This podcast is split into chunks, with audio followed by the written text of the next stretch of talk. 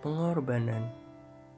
Bukan hanya perkataan, pengorbanan bukan hanya perbuatan, tapi pengorbanan dibarengi dengan perkataan dan dijalankan dengan perbuatan. Dan kekuatan menjadi faktor utama untuk menjalankan syariat pengorbanan.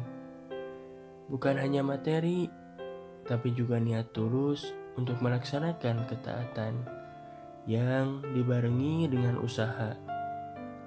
Selamat berkorban kawan. Semoga Allah ridhoi niat dan usahamu.